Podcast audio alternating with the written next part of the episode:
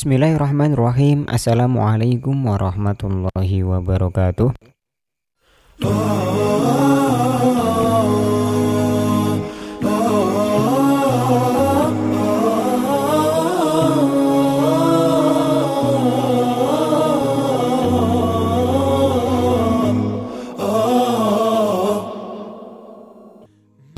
Halo para stalker Rasul Story Ahlan wa sahlan kembali di podcast Rasul Story. Oh ya sebelumnya saya mohon maaf karena selama dua pekan ini podcast Rasul Story tidak upload ya karena saya sedang sakit. Semoga eh, para pendengar semua para stalker Rasul Story diberi kesehatan oleh Allah Subhanahu wa taala, sehat walafiat, barokah semua urusannya. Amin ya rabbal alamin. Baiklah, para stalker Rasul Story, kita kali ini sudah sampai pada episode yang kedua di season yang kedua. Dan tema yang akan kita bahas kali ini adalah Amr bin Luhai The Legacy. Ya. Jadi kita akan berbicara tentang warisan-warisan yang ditinggalkan oleh sosok Amr bin Luhai. Untuk kalian yang belum tahu siapa sosok Amr bin Luhai, kalian bisa mendengarkan secara detail di episode sebelumnya. Tapi di sini saya sebutkan sedikit ya. Jadi Amr bin Luhai ini adalah orang yang memasukkan paham paganisme atau paham penyembahan berhala ke bangsa Arab ya Sebelumnya bangsa Arab dikenal sebagai orang yang mengikuti ajarannya Nabi Ibrahim yaitu monoteisme atau tauhid tapi kemudian melalui sosok Amr bin Luhai ini masuklah paham paganisme penyembahan kepada berhala di tanah suci Arab ya di Mekah itu sendiri. Baiklah, Kali ini kita akan membahas tentang warisan-warisan yang ditinggalkan oleh Amr bin Luhai. Ya, tentu warisan ini adalah e, semacam tradisi atau upacara-upacara penyembahan berhala yang hampir semuanya itu diwariskan oleh Amr bin Luhai ini. Baiklah untuk kali ini Pembahasan ini saya ambil dari sebuah kitab ya berjudul Ar-Rohid Al-Makhtum karya Syekh Sofiur Rahman Al-Mubarak Furi. Jadi kalian yang mungkin ingin tahu lebih banyak, kalian bisa beli kitab itu kemudian membacanya. Sudah ada versi terjemahan eh, dalam bahasa Indonesia. Silahkan kalian cari di toko-toko buku kesukaan kalian. Baiklah, di antara upacara penyembahan berhala yang diwariskan oleh Amr bin Luhai ini adalah yang pertama. Bangsa Arab mereka mengelilingi berhala dan mendatanginya sambil berkomat kamit di hadapan berhala itu. Mereka meminta pertolongan kepada berhala tatkala menghadapi kesulitan. Mereka berdoa kepada berhala-berhala itu untuk memenuhi kebutuhan dengan penuh keyakinan bahwa berhala-berhala itu bisa memberikan syafaat di sisi Allah dan mewujudkan apa yang mereka kehendaki. Ya, ini adalah yang pertama. Kemudian tradisi yang kedua, mereka menunaikan haji dan tawaf di sekeliling berhala merunduk dan sujud di hadapannya. Nah, haji dan tawaf ini kan warisan daripada ajaran Nabi Ibrahim ya, mengagungkan Baitullah ya. Akan tetapi kemudian eh, apa yang ditinggalkan oleh Nabi Ibrahim itu dikotori dengan pemahaman mereka terhadap eh, berhala-berhala ini sehingga walaupun mereka haji, walaupun mereka tawaf di Baitullah, di Ka'bah, di Mekah, di situ mereka sudah berdirikan berbagai macam berhala-berhala dan mereka merunduk sujud kepada berhala itu. Jadi sudah bukan merunduk sujud hanya kepada Allah Subhanahu wa taala semata akan tetapi malah kepada berhala dan ini adalah tradisi mereka yang kedua. Tradisi mereka yang ketiga, mereka mengadakan penyembahan dengan menyajikan berbagai macam kurban, menyembelih hewan piaraan dan hewan kurban demi berhala dan menyebut namanya.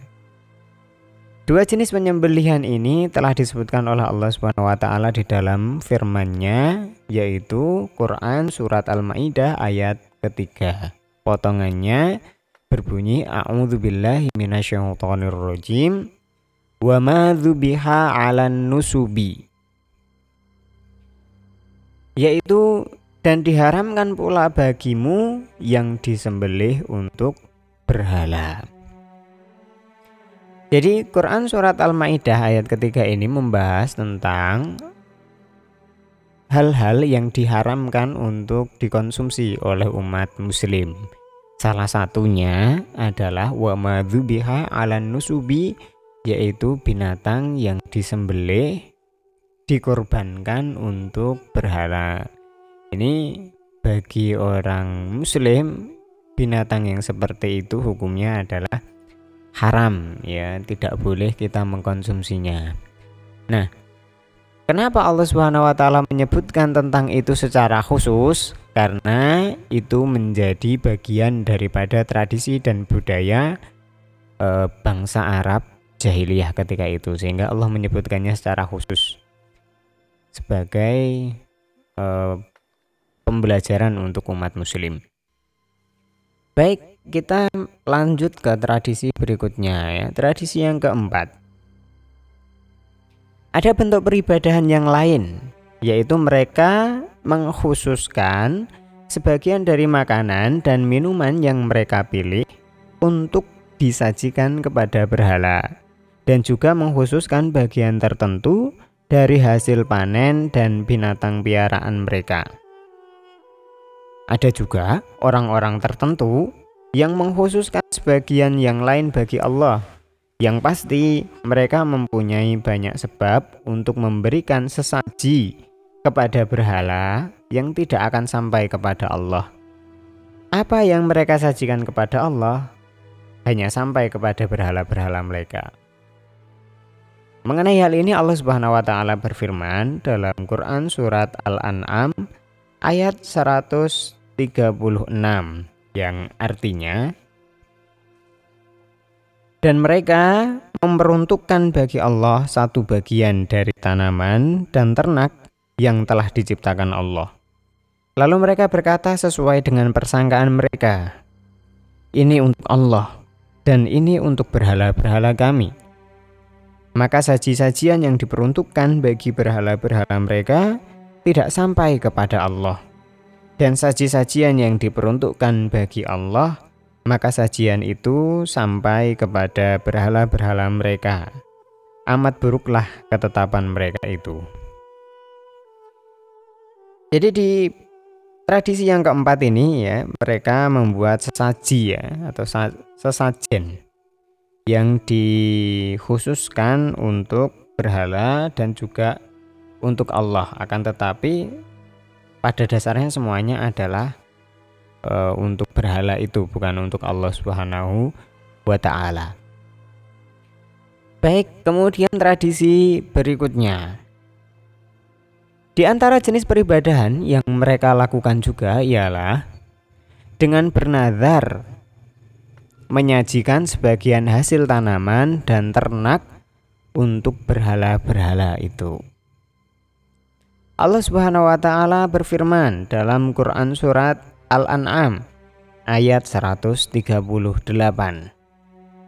yang artinya dan mereka mengatakan inilah hewan ternak dan tanaman yang dilarang tidak boleh memakannya kecuali orang yang kami kehendaki menurut tanggapan mereka dan ada binatang ternak yang diharamkan menungganginya dan ada binatang ternak yang mereka tidak menyebut nama Allah waktu menyembelihnya, semata-mata membuat-buat kedustaan terhadap Allah. Kelak Allah akan membalas mereka terhadap apa yang selalu mereka ada-adakan. Kemudian tradisi berikutnya adalah ada beberapa jenis unta yang dijuluki bahiroh, saibah, wasilah, dan hami. Jadi julukan-julukan ini artinya ya, bahiroh adalah anak dari saibah. Apa itu saibah? Saibah adalah unta betina yang telah beranak 10 kesepuluh-sepuluhnya ini semuanya betina dan sama sekali tidak mempunyai anak jantan. Ya, jadi ini Saibah. Saibah, anaknya Saibah adalah Bahiro. Ya. Unta ini tidak boleh ditunggangi, tidak boleh diambil bulunya, dan susunya tidak boleh diminum kecuali oleh tamu. Jika kemudian melahirkan lagi anak dan betina, maka telinganya harus dibelah setelah itu, ia harus dilepaskan secara bebas bersama induknya dan harus mendapat perlakuan seperti induknya. Ini bahiroh dan saibah ya. Berikutnya wasilah. Ya. Wasilah ini adalah julukan untuk domba betina yang selalu melahirkan anak kembar betina selama lima kali secara berturut-turut. Tidak diselingi kelahiran anak jantan sama sekali. Domba ini dijadikan sebagai perantara untuk peribadahan. Oleh karena itu mereka mengatakan, aku mendekatkan diri dengan domba ini, yaitu dengan wasilah. Tetapi bila setelah itu Ters, uh, domba tersebut melahirkan anak jantan dan tidak ada yang mati, maka domba ini boleh disembelih dan dagingnya boleh dimakan. Nah, yang terakhir adalah hami. Hami ini adalah julukan untuk onta jantan yang sudah membuntingi 10 betina yang melahirkan 10 anak betina secara berturut-turut tanpa ada jantannya sama sekali. Unta seperti ini tidak boleh ditunggangi, tidak boleh diambil bulunya, semuanya harus dibiarkan lepas, tidak boleh dimanfaatkan untuk kepentingan apa pun. Ya. Jadi ini adalah julukan-julukan yang mereka ada-adakan, mereka buat-buat sendiri. Kemudian ya mereka gunakan sebagai syariat mereka. Baik, Mengenai hal ini Allah Subhanahu wa taala menurunkan ayat dalam Quran surat Al-Maidah ayat 103. Allah Subhanahu wa taala berfirman, "A'udzubillahi minasyaitonir rajim." ما جعل الله من بحيرة ولا سائبة ولا وسيلة ولا حام ولكن الذين كفروا ولكن الذين كفروا يفترون على الله الكذب وأكثرهم لا يعقلون. Artinya, Allah sekali-kali tidak pernah mensyariatkan adanya bahirah, saibah, wasilah, dan ham. Akan tetapi orang-orang kafir itu membuat-buat kedustaan terhadap Allah. Dan kebanyakan mereka tidak mengerti. Quran Surat Al-Ma'idah ayat 103 Bangsa Arab berbuat seperti itu semua tradisi-tradisi tadi terhadap berhala-berhalanya dengan disertai keyakinan bahwa hal itu bisa mendekatkan mereka kepada Allah dan menghubungkan mereka kepadanya serta memberikan manfaat di sisi Allah taala sebagaimana yang dinyatakan di dalam Al-Qur'an. Allah taala berfirman tentang perkataan mereka. Ma na'buduhum illa liyuqarribuna ilallahi zulfa. Perkataan mereka ini Allah Subhanahu wa taala abadikan dalam Quran surat Az-Zumar ayat yang ketiga yang artinya kami tidak menyembah mereka melainkan supaya mereka mendekatkan kami kepada Allah dengan sedekat-dekatnya. Dalam ayat yang lain Allah Subhanahu wa taala berfirman, wa ya'buduna min dunillahi ma la yadurruhum wa la yanfa'uhum wa yaquluna haula'i syufa'auna 'indallah. Dan mereka menyembah selain daripada Allah. Apa yang tidak mendatangkan kemudorotan kepada mereka dan tidak pula kemanfaatan? Dan mereka berkata mereka itu sesembahan mereka itu adalah pemberi syafaat kepada kami di sisi Allah. Quran Surat Yunus ayat 18 Tradisi yang lain di luar tradisi penyembahan terhadap berhala, masyarakat jahiliyah punya beberapa tradisi yaitu mereka suka mengundi nasib dengan menggunakan anak panah yang tidak ada bulunya. Anak panah yang digunakan untuk mengundi nasib tersebut diberi tiga tanda. Anak panah pertama diberi tanda iya, kemudian anak panah yang kedua diberi tanda tidak, dan anak panah yang ketiga tidak diberi tanda apa-apa. Mereka mengundi nasib untuk memastikan pelaksanaan suatu keinginan atau rencana, seperti berpergian atau yang lain-lainnya dengan menggunakan anak panah itu. Jika yang keluar tanah eh, panah bertanda iya, mereka akan melaksanakan uh, apa yang mereka ingini atau rencana mereka. Dan jika yang keluar adalah panah dengan tanda tidak, maka mereka akan menunda rencananya hingga tahun depan dan mereka akan berbuat uh, melakukan undian nasib lagi. Dan apabila yang keluar adalah anak panah yang tidak diberi tanda sama sekali, maka mereka akan e, mengulangi undiannya sampai ketemu jawaban ya atau tidak. Selain tiga anak panah yang bertanda seperti itu, ada jenis lainnya lagi, ya masih sama tentang mengundi nasib. Jadi ada anak panah bertanda dari golongan kami. Kemudian anak panah yang kedua ber, diberi tanda bukan dari golongan kami. Dan anak panah yang ketiga diberi tanda anak angkat ya. Jadi ketika mereka memperkarakan nasab seseorang apakah dia itu apakah anak ini atau orang itu golongan kita ataukah bukan, mereka akan membawa orang yang diperkarakan ini ke hadapan berhala Hubal ya, berhala yang dibawa oleh Amr bin Luhai dari Syam berhala yang besar. Sambil membawa 100 hewan kurban dan diserahkan kepada orang yang mengundi anak panah. Jika yang keluar nanti adalah e, dari golongan kami, maka orang tersebut atau anak tersebut dianggap sebagai golongan mereka. Dan jika yang keluar bukan dari golongan kami, maka orang tersebut dianggap sebagai uh, rekan persekutuan. Dan apabila yang keluar adalah anak angkat, maka orang tersebut dijadikan sebagai anak angkat. Ini adalah tradisi mengundi nasib yang ada pada mereka ya.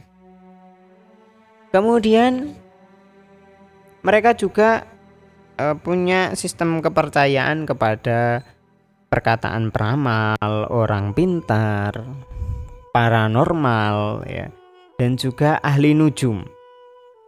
Ya, ahli nujum ini adalah orang yang memperhatikan keadaan bintang dan planet. Kemudian dia meramalkan sesuatu berdasarkan hal itu ya. Astrologi lah ya istilah istilah kita hari ini. Sedangkan peramal kita semua saya kira kita semuanya sudah tahu istilah peramal ini adalah untuk orang yang mengaku bisa mengetahui berbagai macam isyarat-isyarat atau petunjuk-petunjuk yang sifatnya gaib ya. Baik. Kemudian ada tradisi yang lainnya lagi di kalangan bangsa Arab jahiliyah ini yaitu tradisi yang disebut sebagai tiaroh. Tiaroh ini artinya adalah uh, burung ya jadi mereka punya kebiasaan apabila ingin melakukan sesuatu atau bepergian ke suatu tempat, mereka akan membawa seekor burung atau binatang yang lain, biri-biri atau yang semacamnya, lalu mereka lepaskan binatang itu. Apabila burung atau biri-biri itu pergi ke arah kanan, mereka akan melanjutkan perjalanannya karena itu dianggap sebagai pertanda baik. Apabila burung atau biri-biri tadi itu berjalan ke arah kiri, ya ke kiri, mereka akan mengurungkan niatnya untuk bepergian. Ya, karena mereka menganggap kalau burung atau biri-biri atau binatang itu tadi bergerak ke kiri, maka itu adalah pertanda buruk ya, tanda bahwa mereka akan mendapatkan kesialan apabila e, mereka melanjutkan. Ya, jadi ini kebiasaan yang disebut sebagai tiaroh ya, tiaroh. Kemudian e, sekalipun masyarakat Arab ya sangat jahiliyah, ya sangat bodoh seperti yang sudah kita sebutkan. Akan tetapi sisa-sisa agama Ibrahim itu tetap ada di kalangan mereka dan mereka sama sekali tidak meninggalkannya. Artinya seperti pengagungan terhadap Ka'bah, tawaf, haji, umroh, wukuf dan lain sebagainya itu semua mereka masih menggunakan itu. Akan tetapi semuanya itu sudah tercampur dengan hal-hal yang baru, tercampur dengan sesuatu yang bukan bagian dari ajaran agama Nabi Ibrahim ya, monoteisme atau tauhid.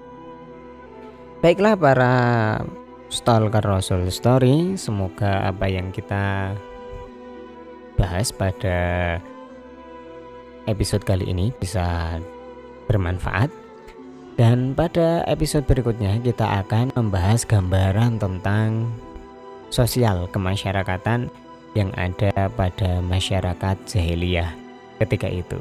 Tetap bersama podcast Rasul Story, tetap stay tune dan kalau kalian merasa bahwa ini bermanfaat, silahkan share dan beritakan kepada teman-teman kalian. Sekian dari saya. Saya mohon undur diri. Wassalamualaikum warahmatullahi wabarakatuh.